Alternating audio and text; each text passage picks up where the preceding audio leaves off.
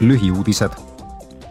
sel nädalal kiitis Euroopa Parlament heaks ettepaneku, mis võimaldab minna mööda Ungari vetost ja anda Ukrainale kaheksateist miljardit eurot rahalist abi.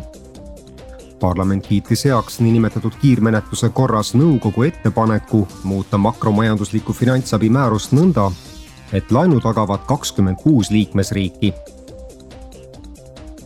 parlamendi täiskogu toetas taastuvate energiaallikate kasutuselevõtu edendamise kavasid.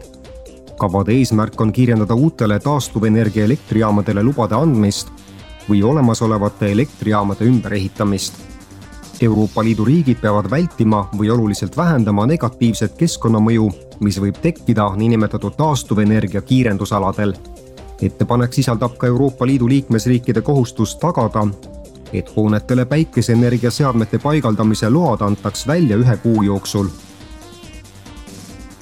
parlamendi president Roberta Metsola kõneles ka eile parlamenti tabanud korruptsioonisüüdistustest. ta ütles järgmist me peame saatma jõulise sõnumi kõigile välismõjutajatele, kes püüavad meid õõnestada. me seisame oma väärtuste, õigusriigi, õigluse ja nõuetekohase menetluse eest lubage mul veel kord kõigile kinnitada, karistamatusel ei ole siin kohta. midagi ei pühita vaiba alla ning me ei kavatse käituda, nagu midagi poleks juhtunud. Euroopa Parlamendi president lisas ka järgmist.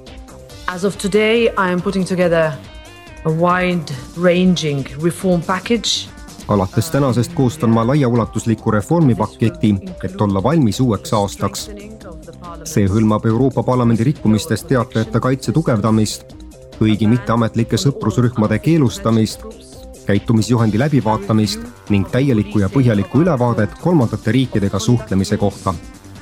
And a complete and in-depth look of how we interact with third countries Euroopa Ülemkogu kohta lisas Metsola, et Euroopa Parlamendi kahe tuhande kahekümne kolmanda ja kahe tuhande kahekümne neljanda aasta seadusandlikud prioriteedid on järgmised. energiaturgude reform, kliimaeesmärgid ning rände ja varjupaiga eeskirjade kehtestamine